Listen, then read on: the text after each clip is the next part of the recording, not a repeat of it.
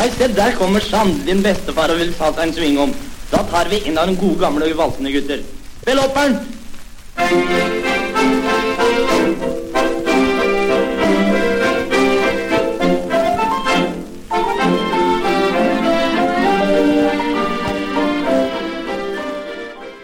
Hjertelig velkommen til femte dypdykk i Sveivegrammofons verden. I løpet av den nærmeste halvtimen skal vi som vanlig høre på fem små gullkorn fra et rikholdig platearkiv, og som omfatter norske innspillinger fra 1904 til 1958, noe som i listepoppens verden skulle tilsi at vi beveger oss inn i middelalderen. Mitt navn er Stig Ove Vold, og du hører på Gamle Riller. I forrige program hørte vi om nordmannen August Werner, som dro til Amerika i ung alder, og som ble værende der etter å ha etablert seg som sanger. I dag skal vi høre om en annen figur som gjorde stor lykke på sangens vinger i Amerika, men som også kom hjem igjen til Norge. Fremdeles er det mange av oss som husker Erik Bye fra fjernsynet, og dertil flere husker han med innspillinger som Vår beste dag, Vår Herres klinkekule og Skumværsvalsen. Men visste du at hans far også var en høvding innen kulturlivet? Erik Oleby ble født i Drammen i 1883. Han deltok visstnok på det norske landslaget i roing under sommer-OL i London i 1908, uten å få noen pallplassering av den grunn. Da gikk det langt bedre innen musikken. Etter å ha studert sangens kunst i Milano, Paris og London, debuterte han som Don Basilio i Barbereren i Sevilla på Nationaltheatret i 1913. Året etter fikk han ansettelse ved Stadtoper Brøslau, inntil han i 1918 ble ansatt ved Opera Comique i Kristiania. I 1920 dro han til Amerika, der han ble værende i drøye ti år, og hvor han fikk en sønn som også ble døpt Erik Bye, og som er langt mer kjent i dag. Samme året som han ankom USA, gjorde han en lang rekke innspillinger for plateselskapene Victor og Columbia. Repertoaret var norsk og tysk, og 27. mai 1920 dro han til Victors innspillingsstudio på Camden i New Jersey for å spille inn barndomsminnet fra Nordland med den engelske undertittelen Memories of Childhood in the Northland. Kanskje er melodien bedre kjent som O eg veit meg et land, komponert av Adolf Thomsen til tekst av Elias Blix, og ofte omtalt som Nord-Norges nasjonalsang.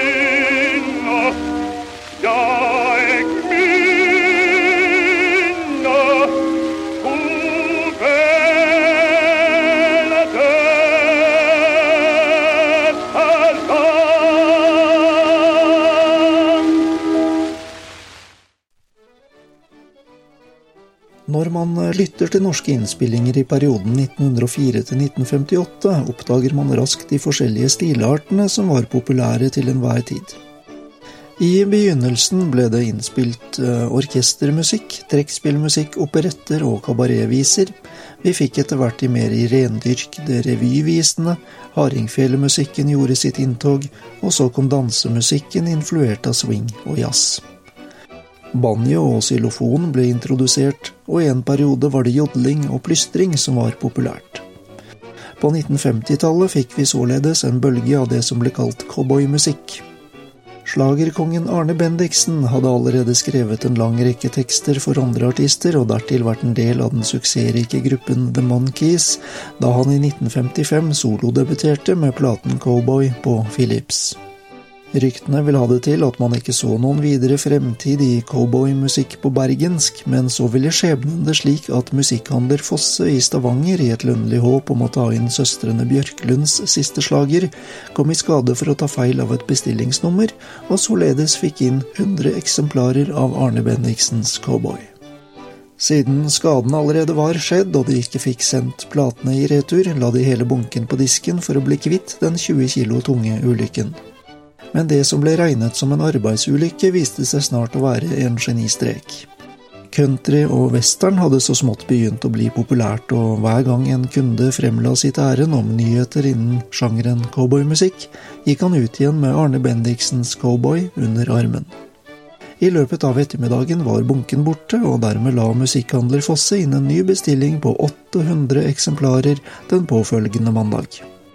En annen historie forteller at eh, cowboyplaten ifølge NRK var så fæl at den ikke kunne spilles i ønskekonserten, hvorpå de heller spilte B-siden, Tømmerjon, en plate som i løpet av det første året solgte 35 000 eksemplarer. Om det ikke var akkurat slik det foregikk, kommer vi ikke utenom at Arne Bendiksen ble en umiddelbar suksess, og som ble fulgt opp av flere plater i samme stil, som eksempel Cowboyens frikveld, Davy Crocket, Texas og Cowboy-nissen. Da Bendiksen etter hvert gikk over til Triola-etiketten, fikk han den svenske musikeren Leon Landgren til å tilrettelegge teksten for det svenske markedet. Fra før hadde Jens Bukk-Jensen, Kurt Foss og Reidar Bø, Nora Brokstedt og Sølvi Wang gjort sånn passe grei suksess i nabolandet med svenske versjoner av sine melodier, så hvorfor ikke? Det resulterte i svenske versjoner av Bananbåtsangen, Låt meg få lov, Cowboys frikveld og nettopp Cowboy.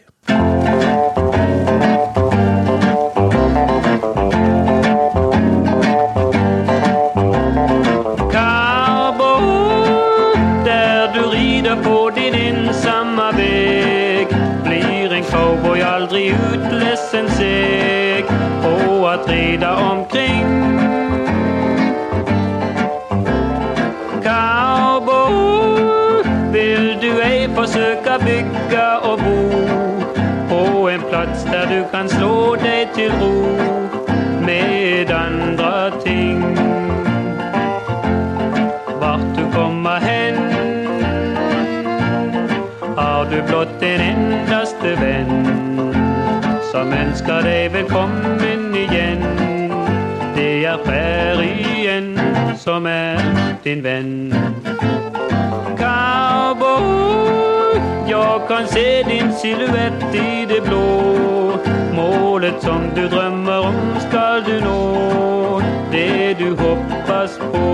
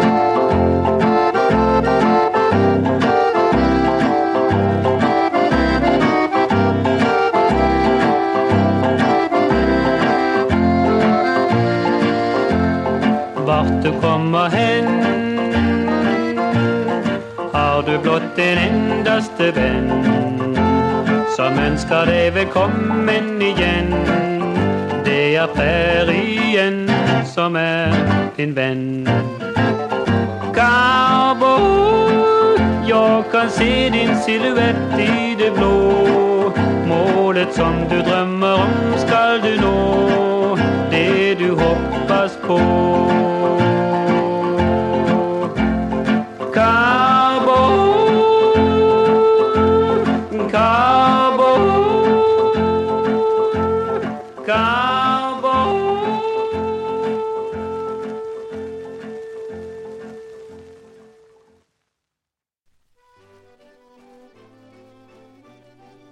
Opp gjennom eh, historien har vi flere eksempler på norskfødte artister som gjorde karriere i utlandet, men som knapt nok ga ut noe her hjemme i Norge, og i så fall var det snakk om importerte plater. Fra den akustiske perioden kjenner vi spesielt Inga Berents, som ble født i Østre Aker i 1873, og som hadde en lang og suksessrik karriere i Sverige som skuespiller, operette og kabaretsanger.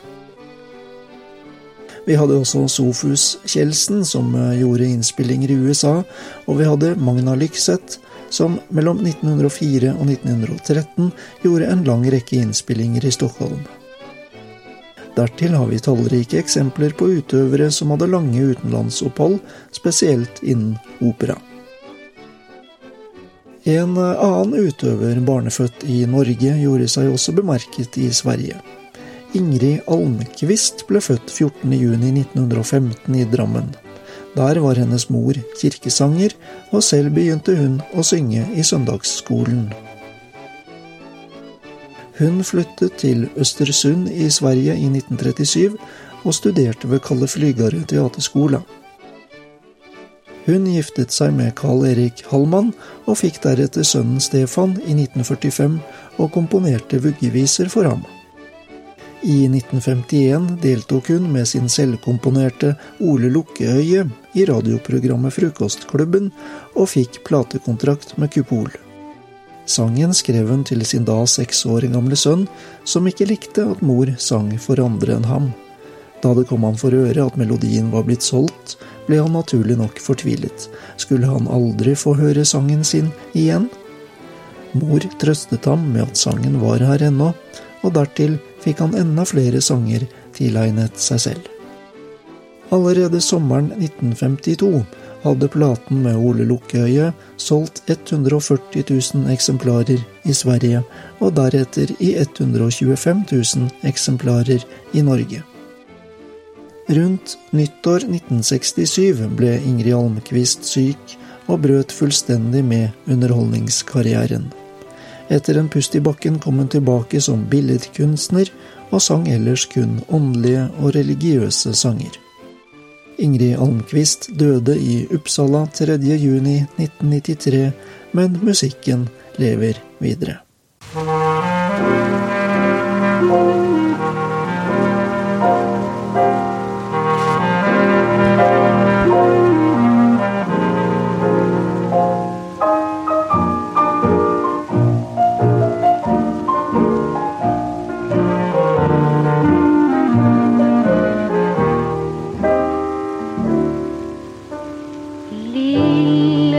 Lillemanns dag er slutt. Leken er nu forbi. Kinden er blek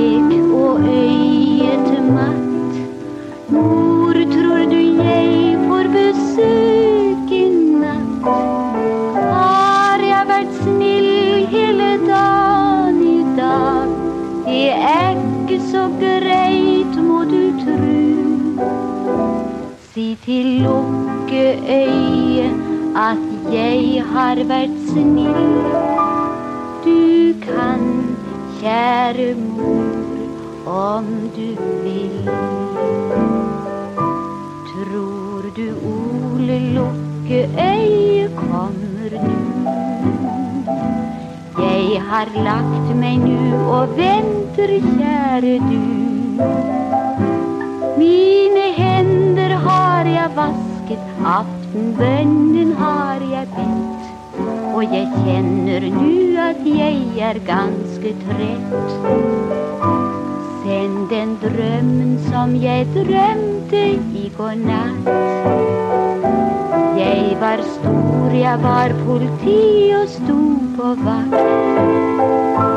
Guttene, de var så redde, tok av lua si for meg. Det var så moro, ja, den drømmen likte jeg.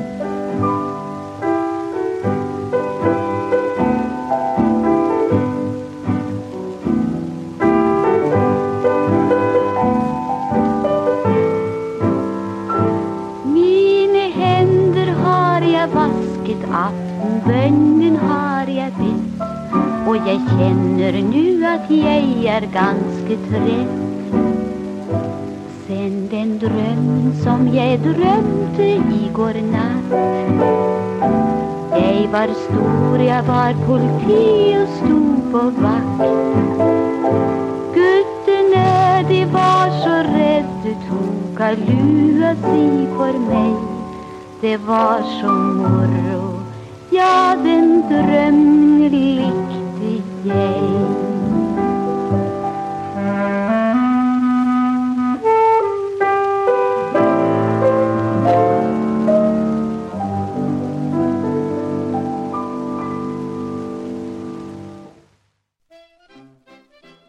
skrivende stund er det snaut ett år igjen til kommunestyrevalget, og valgkampen er snart i gang.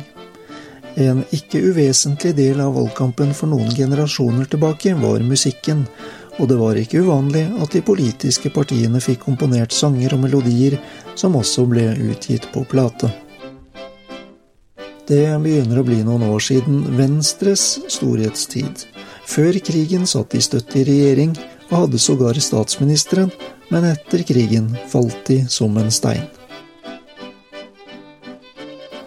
Venstres Johan Ludvig Mowinckel satt som statsminister i 1935, men måtte vike plass for Johan Nygaardsvold og Arbeiderpartiet, som inngikk det omstridte kriseforliket med Bondepartiet samme år. Ved stortingsvalget i 1936 forsøkte Venstre å reise kjerringa, og det resulterte bl.a. i Venstres vise, hvor det av teksten klart fremgår hvilken holdning partiet hadde til den sosialistiske regjeringen. Vær ikke trist, bli sosialist, så sørger staten for oss alle, heter det i den bitende ironiske teksten som ble fremført av Erling Krogh på platen. Krogh fulgte også de harmdirrende venstrefolk rundt på turné, hvor han fremførte nettopp denne visen, og da hadde vel alle glemt at den samme Krogh hadde spilt inn plater for Arbeiderpartiet noen år tidligere. Det hører med til historien at Arbeiderpartiet og Johan Nygaardsvold ble sittende etter valget i 1936. Erling Krogh ble født i Kristiania i 1888 og studerte ved Den kongelige kunst- og håndverksskole mens han arbeidet som gullsmed. Ved siden av studerte han sang, og var bl.a. tilknyttet operakomikk. Han platedebuterte i den akustiske perioden i 1916, og spilte deretter inn en rekke sanger for grammofon i Kristiania og i København, frem til han etablerte sitt eget operaselskap. Erling Krogh spilte inn plater i over 40 år, og det fantes vel knapt et hjem som ikke hadde en Krogh-plate, og kanskje aller helst en av de mange juleplatene han spilte inn. Men her er han altså i en sjelden innspilling for partiet Venstre i 1936.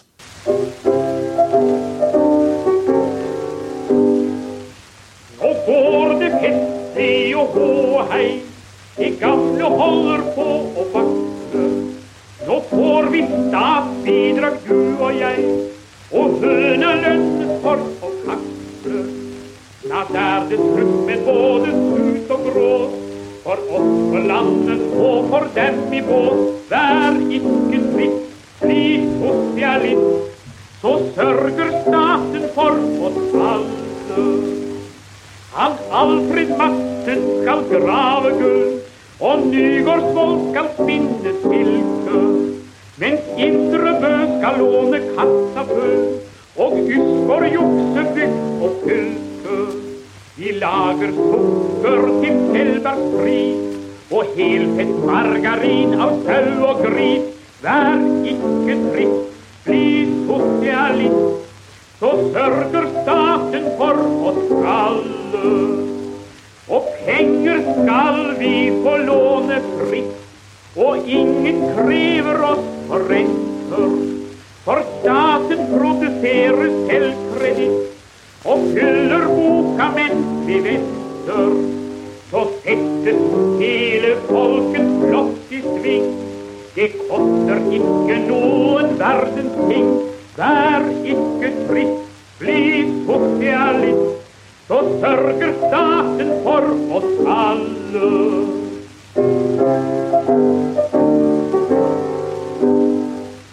Men akk, det er nok en dåredrøm, en salig rus den ene natten. Vi våkner alle med ryggene av drevet med den fele katten. Den største staten gir i klapp på klapp. Udyrt betale må med skatt på skatt. Nå blir du trist, du sosialist. For Nyborgsvold vil sikker alle. For Nyborgsvold vil sikker alle.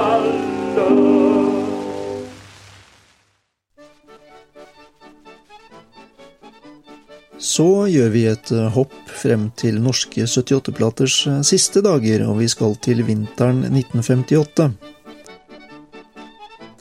Fontana var en etikett underlagt Philips, og som så vidt rakk å utgi et par 78-plater før vinylen tok over markedet fullstendig.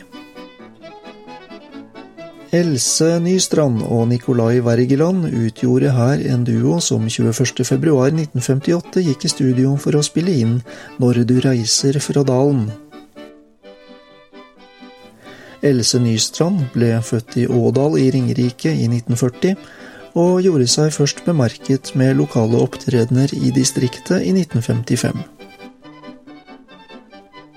Høsten 1956 fikk hun en toårskontrakt med Philips mens hun gikk på tredje realklasse ved Ringerikes høyere skole i Hønefoss, og der hun ga ut tre 78-plater. Senere ble hun informasjonssekretær i Oslo kommune, og har langt inn i pensjonisttilværelsen gledet lokalmiljøet med sang til eget gitarakkompagnement. Nicolai Wergeland ble født i Norderhov i 1931, og var oldebarn av Henrik Wergelands yngre bror Josef. Vi kjenner melodien som Red River Valley, og den norske oversettelsen var ved Dorian Redd, som var et pseudonym for ingen ringere enn Arne Påske Aasen. Teksten ble publisert i Håkon Lies sangbok Vi synger ei sangbok for heim og lag allerede i 1946, og her hører vi Else Nystrand og Nicolai Wergeland fremføre den i en av de aller siste norske innspillinger for 78-plate, utgitt på Fontana. Det kommer stadig nye plater inn til samlingen, men det er fremdeles plass til flere. Ta gjerne kontakt på Facebook-siden til Gamle Riller hvis du har en bunke liggende på loftet, i kjelleren, på hytta, under sengen eller gjemt i hanskerommet. Hvis du selv er interessert i å samle på gamle 78-plater, er du hjertelig velkommen til Facebook-gruppen 78-plater og fonografruller. Vi høres igjen allerede neste gang med fem nye snodigheter fra gamle riller.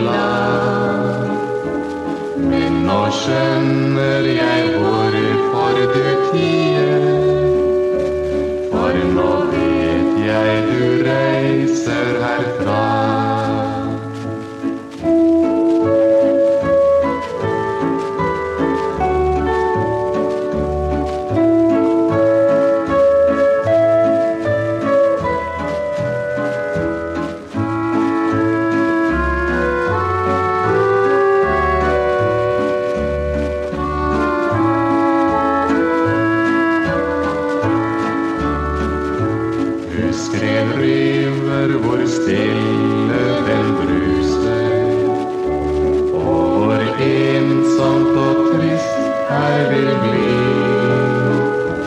Husk ditt trofaste hjerte du